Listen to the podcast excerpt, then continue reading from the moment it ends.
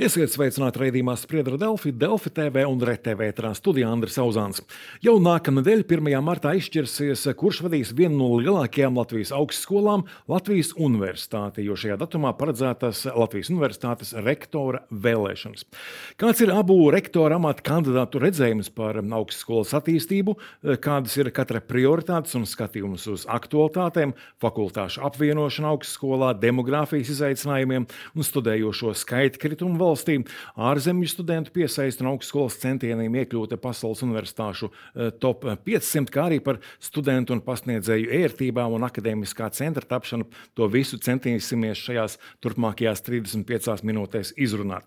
Un tātad šodien studijā Latvijas Universitātes rektora amata kandidāti. Latvijas Universitātes biznesa vadības un ekonomikas fakultātes profesorē rektora padomniece Signe Bāliņa. Sveicināti! Sveiki! Un Latvijas Universitātes biznesa vadības un ekonomikas fakultātes dekāns dekāns profesors eh, Gunārs Bērziņš. Labdien! Labdien. Un eh, vispirms atgādināšu skatītājiem, ka savus jautājumus raidījumā viesiem varat uzdot vietnē slaido.com, izmantojot eh, QR kodu, ko redzat ekrānā, vai kodu rektora vēlēšanas bez garuma un mīkstinājuma zīmēm. Šobrīd redzam, ka mums jau ir viens jautājums, uz kuru centīsimies atbildēt, rast atbildi šī raidījuma laikā. Bet sāksim ar šādu lietu. Jūs abi esat profesori līdzinājā biznesa vadības un ekonomikas fakultātē. Vai uzskatāt, ka universitātes vadīšana ir tieši tas pats, kas vadīt kādu biznesa uzņēmumu, kas, piemēram, kaut ko pērk un pārdod? Noteikti nē. Noteikti nē. Latvijas universitāte, jā, universitāte ir ļoti liela organizācija, jo Latvijas universitāte nodarbina 3000 darbiniekus, un mūsu saimē ir 15,000 studenti. Universitātes vadības lielais izaicinājums ir tiešām kā labi pārvaldīt Ir procesi, kā ir jebkurā lielā organizācijā, kas ir saistīta ar personālu, ar finansēm, bet mūsu runājot biznesa terminoloģijā, galvenais biznesa tās ir studijas, tā ir pētniecība. Un tie mērķi un tie kvalitātes kritēriji, ko mēs izvirzām studijās un, un pētniecībā, ir citi, kā mēs skatāmies uz biznesu. Kā jums šķiet, vai universitāte var būt vadāma kā biznesa? Es teiktu, ka lielākā atšķirība starp biznesa organizāciju un universitāti ir tieši demokrātijas līmenī. Un universitāte ir daudz demokrātiskāka sistēma nekā jebkurš uzņēmums. Lai gan lielumam tur nav nozīmes, ir ļoti liela uzņēmuma, bet ar lielu klientu skaitu, bet universitāte ir daudz demokrātiskāka. Mēs pieņemam lēmumus pilnīgi citādi nekā biznesa organizācijas. Mums ir daudz vairāk sociālu mērķu. Un šie sociālā mērķi spēlē lielu lomu tieši universitātes darbībā, kā Um, tādam uh, sociāli nozīmīgam uh, organizācijai Latvijai. Uh, kas ir jūsu motivācija cīnīties par šo amatu, un vai nozīmīgs faktors ir arī piedāvāta alga, kas ir 11,935 eiro pirms nodokļu nomaksas? Latvijas universitāte ir mana universitāte, kur es esmu beigusi, kurā es esmu strādājusi jau kopš studiju gadiem. Uh, un kurā es esmu bijusi biznesā, esmu vadījusi biznesa uzņēmumus Latvijā, tā skaitā sadarbības starp nozari un universitātēm. Es esmu bijusi valdībā, es esmu pārstāvējusi valsti, es esmu vairāk kā 14 gadus nozare man ir uzticējusi vadīt IT nozares asociāciju, un šī visa mana pieredze. Man dod to pārliecību, ka es varu vadīt universitāti, un kāpēc, kāpēc es tā, man motivācija, kāpēc es to gribu. Es teiktu, ka ir slikts karavī, kareivis, kurš negrib būt ģenerālis. Un tas, ka tiešām es esmu bijusi universitātē kā lektore, es esmu izaugusi līdz profesorei. Es zinu universitāti, es zinu universitātes pārvaldību, un es arī redzu, kas ir tas, kā, kā mēs varam kļūt vēl labāki. Jūsu motivācija, alga arī dzene, ir svarīga. Es gribētu teikt, ka mūsu fakultātes attīstība, kas ir, ir iespējama teiksim, strādājot par dekānu, ir iespējama tikai līdz zināmam uh, robežai. Jo tu vari izdarīt to, ko tu vari izdarīt, atrodoties faktiski dekāna amatā.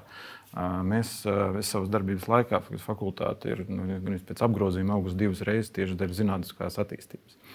Un, uh, es redzu, ka ir nepieciešams nākošais solis, lai visu universitāti padarītu par uh, augošu un veiksmīgu organizāciju daudz vairāk, vairāk nekā ir šobrīd. Viņa jau šobrīd ir ļoti veiksmīgi daudzos jautājumos, bet ir milzīgs potenciāls, kas nav izmantots. Un es redzu, ka man zināšanas, prasmes un kompetences, kas ir iegūtas gan strādājot ārpus universitātes, gan universitātē, dod uh, pilnīgi pārliecību, ka mēs varam uh, strādāt arī universitātes līmenī un padarīt universitāti par uh, Latvijai ļoti nozīmīgu organizāciju visā, visā, visā tās attīstības Valēns kundze jau pieminēja savu seno saistību ar universitāti. Cik jums tā ir sena un cieša? Es universitātē strādāju vairāk kā 20 gadus, arī ļoti dažādos amatos. Es mācījos, strādāju 20, man ir viss bakalaura, maģistrs, doktora grāds universitātē. Un, sākot no lektora, kanclers, ļoti daudz dažādu amatu, gan administratīvi, gan akadēmiski, gan arī pētnieciski. Kā šobrīd notiek jūsu kampaņa, kādos pasākumos piedalāties, cik intensīvi viss notiek? Tas, kā universitātē, nu, ja mēs to saucam par kampaņu, tad, tad kā, tas, kā tas universitātē notiek, mēs tiekamies ar universitātes struktūra vienībām, ar fakultātēm, ar institūtiem, ar dažādām neatkarīgām institūcijām, kas ir universitātē, ar koledžām, ar botānisko dārzu. Un Es pastāstu savu redzējumu, es uzklausu savu kolēģu jautājumus, mē, mums ir diskusijas, mēs sarunājamies par to. Tāpat ļoti nozīmīgas ir sarunas ar studentiem, uzklausot, kas ir tas, kā, un, kā studenti redz, ko mēs varētu kopīgi labāk darīt Latvijas universitātē. Un studenti arī mums uzdod jautājumus. Tā tās ir tiešām tā kampaņa. Ir Tas ir tāds, ka mēs tiekamies ar universitātes cilvēkiem, mēs tiekamies ar universitātes kolektīviem, uzklausām viņu redzējumu, viņu jautājumus. Un caur šiem jautājumiem faktiski es arī varu saprast, kas ir tas, ko universitāte vēlas. Kāda problēma jautājuma izskan šajos tikšanās brīžos, kas interesē studentus, kas pasniedzējus? Ja mēs runājam par studentiem, tad studentus interesē studiju kvalitāte. Studentus interesē arī, protams, viņu dzīves apstākļi universitātē, viņu sadzīve universitātē. Arī jautājumi, kas ir saistīti ar akadēmisko brīvību, kas ir saistīti arī ar studentu tiesībām. Ja mēs runājam par akadēmisko personālu, kas ir tas, kas uztrauc mūsu akadēmisko personālu, tad, protams, viens ir jā, mums ir. Mums būs jauns pārvaldības modelis universitātē, kas ir šis konsolidācijas plāns, un cilvēkiem mans uzdevums ir kliedēt to neziņu un radīt to sajūtu, drošības sajūtu, ka pēc būtības universitātē nekas tādā veidā tad lekcijas mums notiks, darbs ar studentiem notiks, pētniecība notiks. Mums ir jāskatās, kā mēs varam uzlabot to, tos procesus, kādā veidā mēs varam palikt saprotamāki, labāki universitātē, lai cilvēkiem būtu šī pārliecība. Jā, par šo konsultācijas procesu, fakultāšu apvienošanu mēs vēl redzējumā parunāsim. Kādus jautājumus jums uzdod studenti un pasniedzēji tiekoties ar jums? Vairāk pasniedzēji uzdod jautājumus par, kādu, par darba organizāciju un par to, vai ir skaidri noteikti teiksim, procesi. Nu, viņi ļoti faktiski ikdienišķi un saprotami jautājumi katram, kurš strādā ar studentiem. Vai būs stabils atalgojums, kāds būs atalgojums, tas ir pasniedzēju viens no lielākajiem. Uh, tādiem jautājumiem, vai mēs varam paredzēt savu nākotni. Jo nu, teiksim, nākotnes paredzēšana katram individuālam cilvēkam, pasniedzēji ir tieši tādi paši cilvēki, kā jebkur citur. Viņi grib, lai ir stabilitāte, grib, lai ir sapratne par nākotni un parāda ceļu, kas nodrošinās viņa nu, iespējas un panākums universitātē. Savukārt studenti uzdod, kā jau Bāliņš kundze minēja, uzdod jautājumus par studiju kvalitāti, kā tas tiks organizēts, kurš par ko atbildēs. Un, uh, kas, kas būs nākotnes studijas um, Latvijas universitātē? Vai mēs esam gatavi nākotnē? Uh, šobrīd tā, tad, uh, uz ekrāna varam paskatīties, ka Latvijas Universitātes mājaslapā ir publiskots jūsu katra uh, redzējums par Latvijas Universitātes strateģisko attīstību turpmākajos piecos gados. Tātad runa šeit ir par prioritātēm un jūsu teikt, vēlēšanu programmu. Pavisam īsi, kas ir būtiskākais piedāvājumā?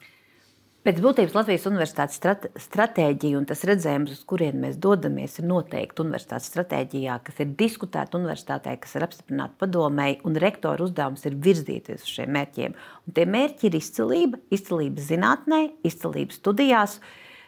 Universitātē ir vairāk jāpiesaista ārvalstu studenti, ārvalstu mācību spēki. Mums ir jā, jātiecās uz augstākiem šiem rādītājiem un, un tām iespējām, kādas mums ir. Tas, par ko bieži runā, ir šis top 500, kur lai mēs sasniegtu šo top 500, un kas ir būtiskākais, nevis vienkārši sasniegt, bet mēs būtu šo pasaules vadošo universitāšu ekosistēmā, ir svarīgi, ka arī valsts to saprot un valsts atbilstoši finansē mūs. Un tas, kas vēl ir būtiski un svarīgi, ka mums ir jānodefinē, Mums ir pateikts, kādas ir Latvijas universitātes vērtības, tā ir universitātes saime, tā ir akadēmiskā brīvība, šī iešanu uz izcilību, mums ir svarīgi arī nodefinēt, kas ir tās pētniecības jomas, kurās mēs esam, kurās mēs esam spēcīgi. Un man šķiet, ka viens tāds aspekts, kas ir ļoti svarīgs un būtisks universitātē, tā ir drošība. Latvijas universitātes devīze ir zinātnē un tēvzemē. Un universitātei ir jāstiprina drošība, jo manā uztverē bez spēcīgas universitātes nevar pastāvēt spēcīga Latvijas valsts. Jā, tātad, kas ir būtiskākais jūsu piedāvājumā un redzējumā? Es redzu universitāti kā Baltijā modernāko klasiskā tipa zinātnes universitāti. Ļoti vienkārši.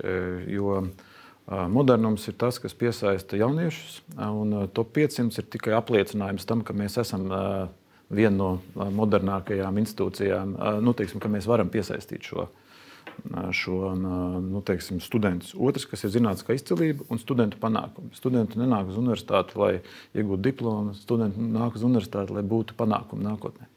Jā, bet eh, nu, es pavisam nesen uzdūros vienā internetā rakstā m, faktam, ka, piemēram, runājot par modernumu, universitātē nav strādājusi uh, iekšējā, nezinu, interneta sistēma.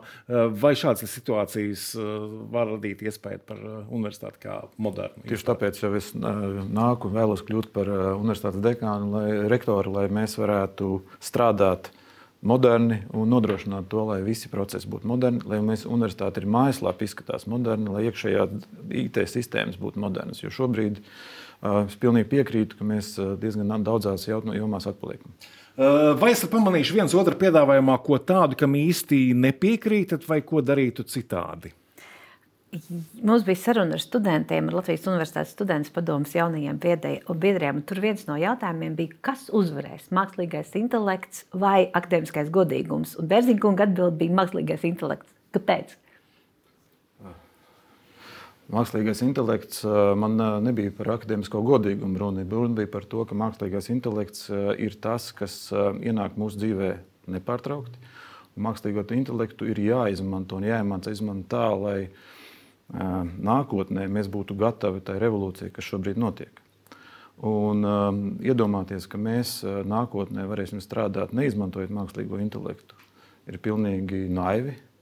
Es uzskatu, ka mums ir, jāmaina, mums ir jāpielāgojas šai tehnoloģiskajai attīstībai. Bet, kur jūs saskatāt to robežu, lai šo mākslīgo intelektu neizmantotu nu, plaģiātismā? Tas ir vienkārši jāmaina studiju, studiju process, pārbaudas process Saku, mēs nevaram pielāgot mākslīgu, mākslīgu intelektu sev. Universitātes teiksim, zināšanu validācijas procesi jāpielāgo reālajai tehnoloģiju attīstībai šobrīd pasaulē. Un tikai tā, teiksim, neviens, kas ir gājis pret tehnoloģisko progresu, nav uzvarējis. Līdz ar to mums ir jābūt gataviem, gataviem tam, lai, un jāgatavo studenti tam šai tehnoloģiskajai revolūcijai. Un es, es patiesi ticu, ka to mēs arī izdarīsim. Ko Bāliņas kundzes piedāvājumā saskatāt atšķirīgi no sava redzējuma? Galvenā atšķirība pēc manām domām ir tajā, ka man ir, mans piedāvājums ir konkrētāks nekā, nekā nu, teiksim, daudz vairāk konkrētības manā piedāvājumā. Tas ir, tas ir faktiski lielākā atšķirība.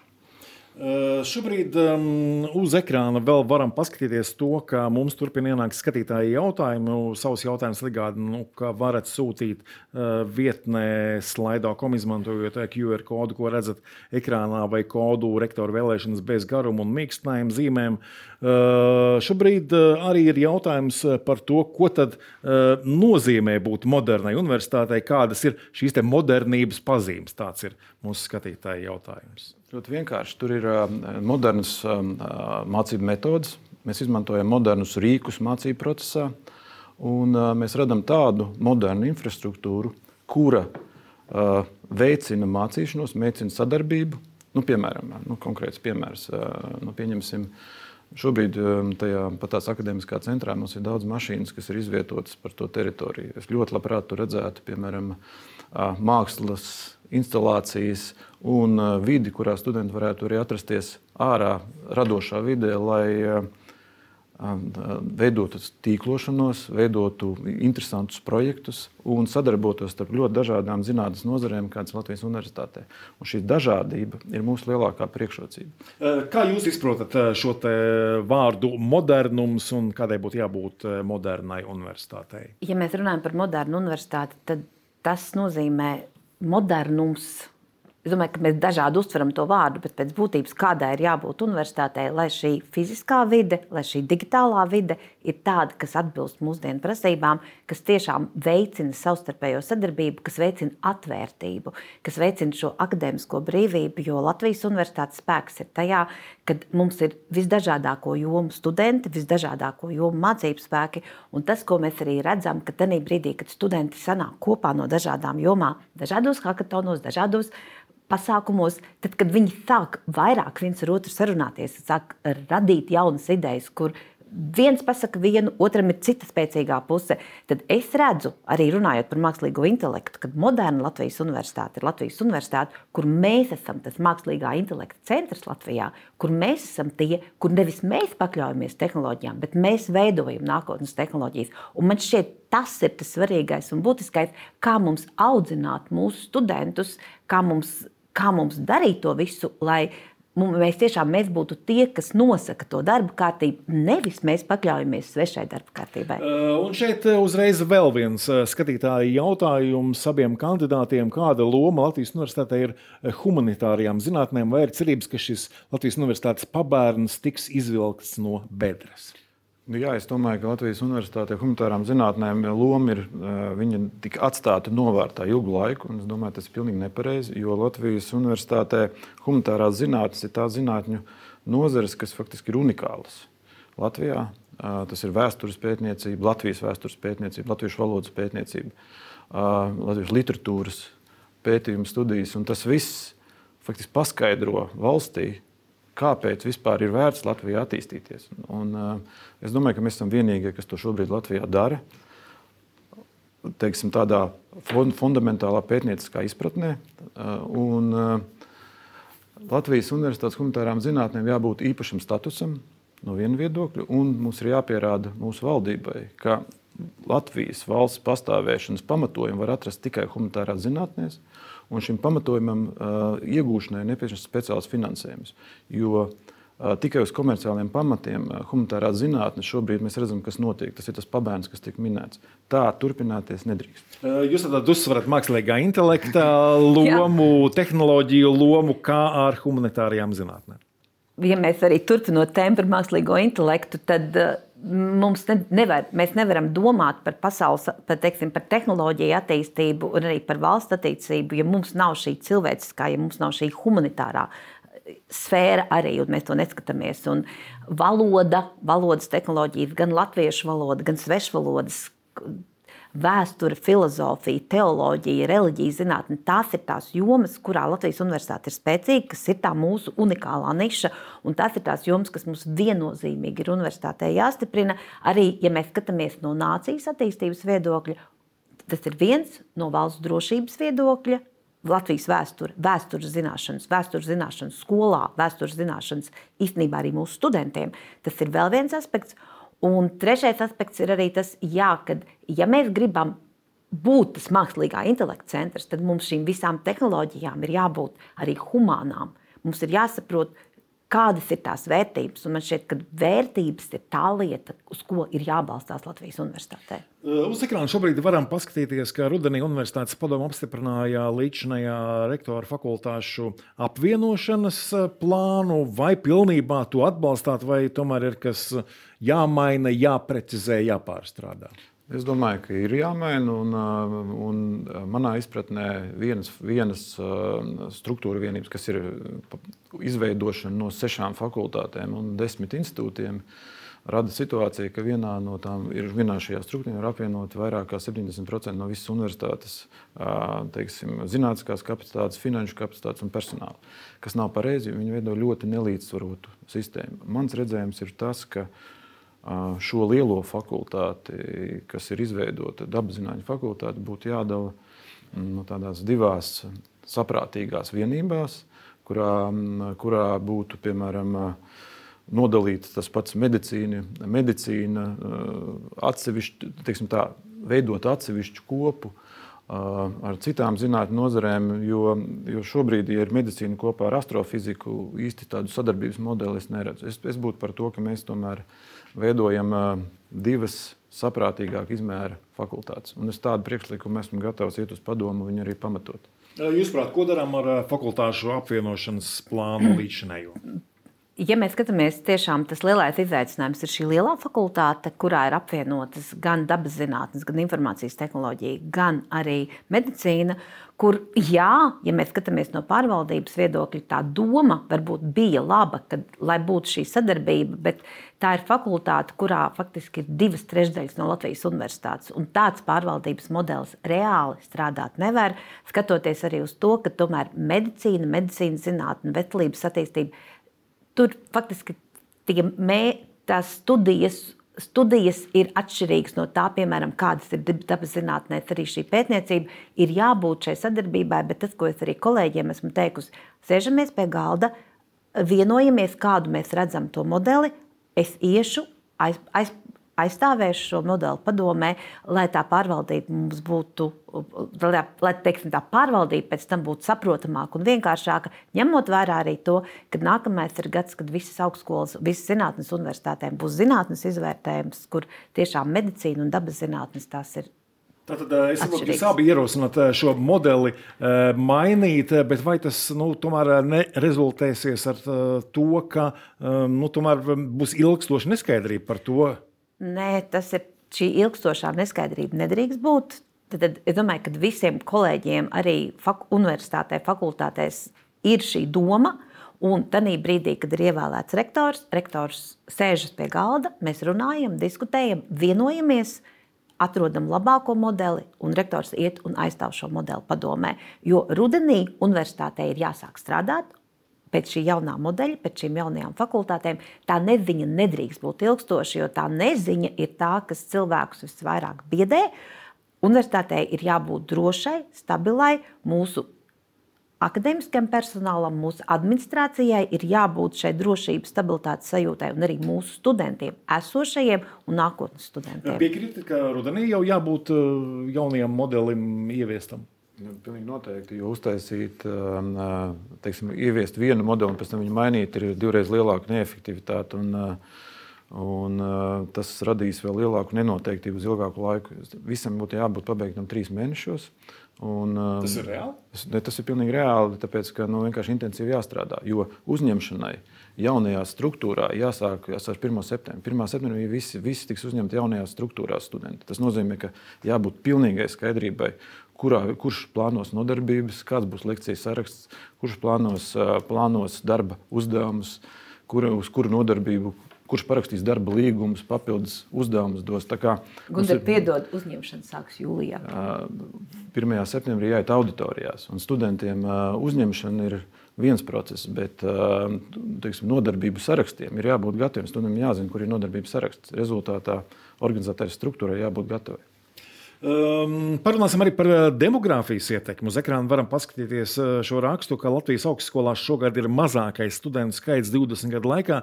Runājot par demogrāfijas ietekmi, ko darīsim uh, brīdī, kad studentu kļūs vēl mazāk? Uh, Piesaistīsim vēl vairāk ārvalstu studentu, vai tomēr samazinām augstskolas kapacitāti, vai vēl kādu citu risinājumu redzat? Ja mēs skatāmies uz Latvijas universitāti un šiem rādītājiem arī par pēdējo gadu par Latvijas universitāti, tā nav taisnība, ka Latvijas, teiksim, Latvijas universitātē šis studentu skaits ir stabils, mums ir šis pieaugums. Ja mēs paskatāmies, kādus studentus mēs gribam piesaistīt un ko mēs redzam, tad viens jā, ir ārvalstu studenti. Es teiktu, ārvalstu studenti, kuri grib un kuri ir motivēti mācīties it sevišķi augstākā līmeņa studijās, maģistratūrā, doktorantūrā, jo visa pasaule cīnās par talantiem. Arī mums ir jācīnās par talantiem. Mums ir jācīnās, lai mūsu talanti neaizplūst, bet lai no citurienes talanti brauktu pie mums, no mācīties. Valstīm, no tām, es teiktu, tā primāri tā ir Eiropas Savienība. Tā ir Eiropas Savienība, tā ir Āzija potenciāli arī. Tad, tad tās ir tā, tie, tie, tās ir tās valstis, kur faktiski no kurām jau mums pašlaik ir studenti. Mums ir ļoti daudz studenti no, no Ziemeļvalstīm, kas mācās Latvijas universitātē. Mums, protams, ir ukrāņu studenti, kur, kurus mēs atbalstam, kuri pie mums studē un pie kuriem pie mums mācās. Man šķiet, ka ir svarīgi tiešām skatīties, kā mēs varam vairāk uh, piesaistīt maģistratūras augstākā līmeņa studijas studentus, jo mēs esam zinātņu universitāte un tas mūsu mērķis ir iet kvalitātē. Bažas par demogrāfijas ietekmi un kāda būtu jūsu rīcības situācijā, kad reālo studēt gribētāju skaits būtu arvien mazāks un mazāks. Tad piesaistam ārvalstu studentus vai samazinām augstskolas kapacitāti. Es uzskatu, ka labākais veids, kā, kā, kā universitātēm rīkoties demogrāfijas problēmu sakarā, ir paaugstināt savu efektivitāti un ekscelenci. Jo teiksim, tā, laba kvalitāte un ekscelence šo jautājumu dabiski risina, jo cilvēki izvēlās to, kas ir viņiem vislabākais. Jo, ja tu esi radījis universitāti, kura uh, spēj būt teiksim, līderis savā jomā, tad uh, demogrāfijas problēmas universitātē nav tik aktuāls vairāk, jo studenti saprot, kur ir, kur ir labākā izvēle.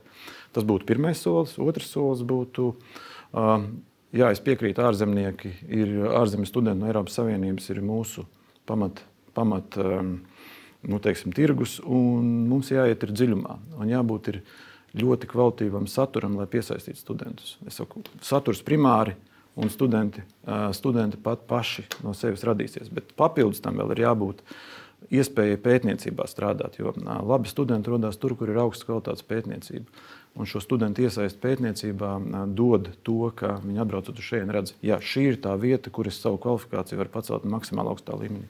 Um, runājot par ārvalstu studentu piesaisti, um, es skatījos datus, kas liecina, ka ārvalstu studentu skaits universitātē ar katru gadu palielinājies pēdējos gados nu, par kādu simtu, par vairākiem simtiem gadā. Vai tā ir pareiza tendence?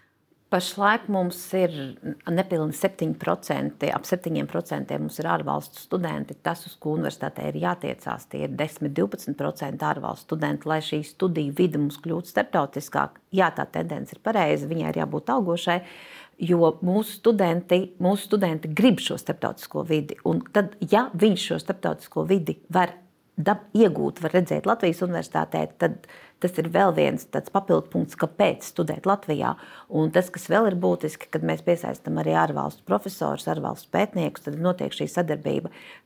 Kā mēs to varam izdarīt? Jā, mums ir tās jomas specifiskās un tās studiju programmas, kur, kuras mums ir labas un kur, kur mums ir gan pētniecībā sasniegumi, zinātnē sasniegumi, gan arī studijās.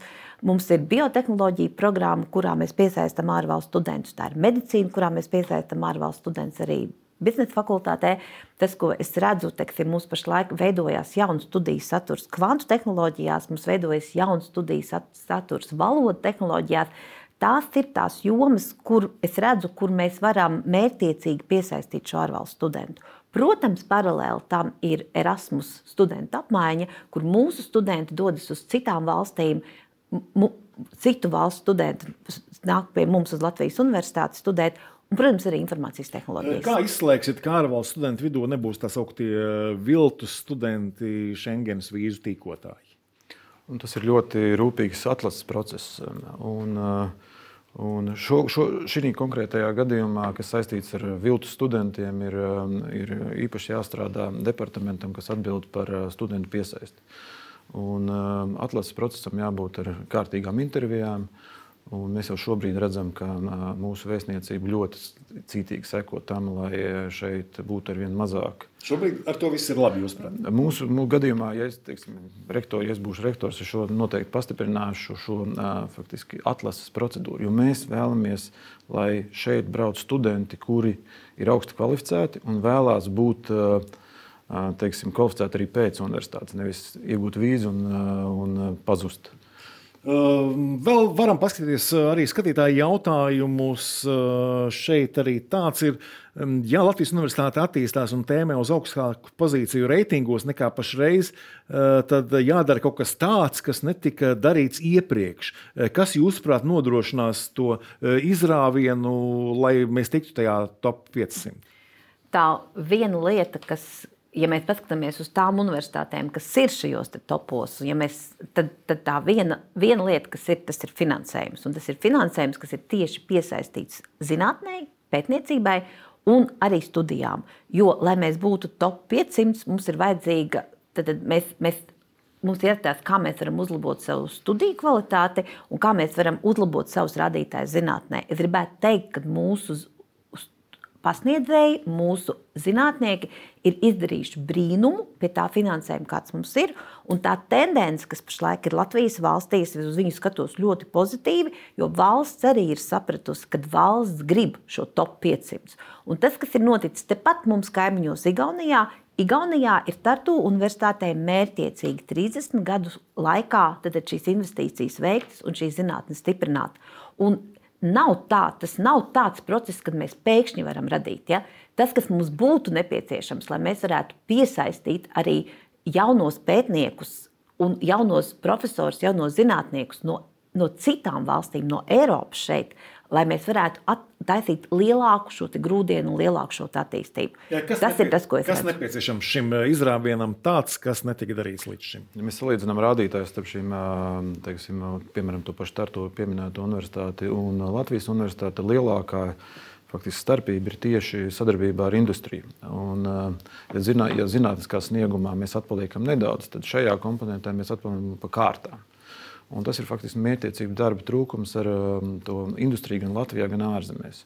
Mēs varam piedāvāt ļoti lielu, augstas kvalitātes zinātnisko pienesumu Latvijas uh, gan uh, industrijai, gan arī pasaules industrijai. Un es domāju, ka šis aspekts uh, būtiski tiks mainīts, jo uh, pēc rādītājiem kritiskākais ir tieši šis, šī pozīcija visos, visos um, reitingos, sadarbība ar industriju lokālo. Vēl par gluži praktiskām lietām. Universitāte tātad uh, turpina vērienīgus plānus saistībā ar akadēmiskā centra tapšanu, kas vēl šobrīd, kā redzam, uh, turpinās, jo plānā līdz ar šobrīd topošo rakstu māju ir arī sporta māja, veselības māja un tehnoloģija māja. Vai nebūs tā kā ar citiem lielajiem projektiem mūsu valstī, piemēram, Rail Baltica, kas sākotnēji iecerēto, kādā brīdī izrādīsies, ka mēs to nevaram atļauties? Tas, kā Latvijas Universitāte attīsta akadēmisko centru, ir bijis līdz šim pakāpeniski soli pa solim, un mēs visi ļoti gaidām ekonomiskās, sociālo, sociālā un humanitārās jomas, kad mums būs gatava raksturmāja, lai mēs 25. gada septembrī varētu uzsākt studijas un pētniecību tur. Tas, kas ir svarīgi, jā, mums ir šis lielais plāns, kā mēs to redzam, un mums ir arī plānam jābūt, kā mēs piesaistām finansējumu, lai mēs to varētu īstenot. Un gan sporta māja, gan stu, studentu māja, kas ir ļoti svarīga mūsu studentiem, gan, protams, veselības māja un tehnoloģija māja. Universitātei ir aktīvi jāskatās un jāsadarbojas gan ar mūsu ministriju, gan ar valdību, gan jāskatās arī ar Eiropas komisiju, kā mēs varam sadarboties, kā mēs varam tam piesaistīt ārēju finansējumu, ne tikai teiksim, to finansējumu, ko mēs varam gūt atsevinot mūsu universitātes esošos īpašumus, bet mums ir jāpiesaista papildus finansējums, lai mēs to, uz to virzīties un lai to darītu. Un vēl viens aspekts akadēmiskā centra attīstības kontekstā, ko arī uzsver studenti, tās ir sarunas ar Rīgas pilsētu, ar Rīgas satiksmi, ar pasažieru vilcienu, dzelzceļa satiksmi par to, kādā veidā mēs redzam īstenībā, kā viss šis turnkalns un akadēmiskais centrs, kā tas viss attīstās pilsētas kontekstā, kā labāk nodrošināt satiksmi, kā labāk nodrošināt veloceliņus, kur un kā, lai visa šī pārdaugava, kas ir ap Turnkalnu, atdzīvotos. Jo universitāte ir tā, kas dod milzu pienesumu pilsētai, milzu pienesumu gan Latvijai, gan Rīgai kā tādai. Un ir šis zināšanu jūdas koncepts, kad pārdaugavā mums ir trīs universitātes - Latvijas universitāte, Tehniskā un Stradiņa universitāte. Un kādā veidā veidot šo trīs universitāšu tad, tad kopīgu ekosistēmu, kopīgu transporta sistēmu arī, lai mēs varētu attīstīties. Un man šķiet, ka tā vēl viena lieta, kā mēs varam akad attīstīt akadēmisko centru, ir arī ar lielāku pilsētas Rīgas iesaisti. Akademiskā centra attīstība, tātad vai kādā brīdī nesanāks tā, ka mēs secinām, ka nevaram atļauties to, ko bijām iecerējuši? Es domāju, ka akadēmiskā centra attīstība ir universitātes viena no pirmajām prioritātēm šobrīd tieši saistībā ar infrastruktūru. Es gan negribētu aizmirst arī mūsu universitātes simbolu Raņa Bulvāra 19, jo tas ir faktiski universitātes simbols, universitātes viens no tādiem nu, teiksim, atpazīstamības objektiem. Un es domāju, tas ir arī ļoti nozīmīgs objekts priekš visas Latvijas tieši šajā simboliskajā nozīmē. Jo tradīcijas ir viena no ļoti būtiskām sadaļām jebkurai organizācijai, un Latvijas universitātei jo īpaši mēs pārstāvam šo arī tradīcijas. Un savukārt akadēmiskais centrs šeit ir šis jaunais, jaunais un uz nākotni vērstais. Es teiktu, ka piesaistīt finansējumu no valdības šobrīd varbūt pat nerealizētajiem dažādiem projektiem un universitātes gatavība šo naudu investēt mūsu, nā, mūsu nākotnē ir kritiski svarīga. Tas ir ļoti atbildīgs Latvijas universitātes vadības darbs tieši to arī darīt. Vēl, ko es gribētu papildināt, ir tas, ka šīs riski, par ko jūs runājat, protams, pastāv. Tāpēc profesionāla pārvaldība universitātē ir viens no svarīgākajiem elementiem, kas šādus riskus novērš. Un šī profesionālitāte būtu tas, pie kā, kā būtu jāvērtē potenciālie kandidāti. Uh, jā, tad uh, noslēgumā vēl pavisam īsts atbildes gribēju dzirdēt uz šādu jautājumu. Vai ticāt, ka rektora vēlēšanas iztiks bez skandāliem un tiesāšanās, jo tas šķiet, nu, zināmā mērā var ietekmēt arī augstskolas reputāciju? Es teiktu, noteikti jā, jo Latvijas universitāte nedrīkst to atļauties. Kā jums šķiet? Pilnīgi noteikti tas nedara godu nevienam, tāpēc ir jāstrādā tā, lai nekādas, nekādu šādu potenciālu teiksim, nekārtību nebūtu. Jā, tad gaidīsim 1. mārtu, gaidīsim Latvijas Universitātes rektora vēlēšanas. Saku paldies raidījuma viesiem, Latvijas Universitātes rektora amata kandidātiem. Nākamais spriedra Delfī raidījums ēterā pirmdien, bet sestdien, 24. februārī, pieminot Krievijas pilna mēroga iebrukumu Ukrainā otro gada dienu, skatieties Delfi TV speciāli izlaidumu sēriju Otrais kara gads. Šodien paldies, ka skatījāties uz tikšanos!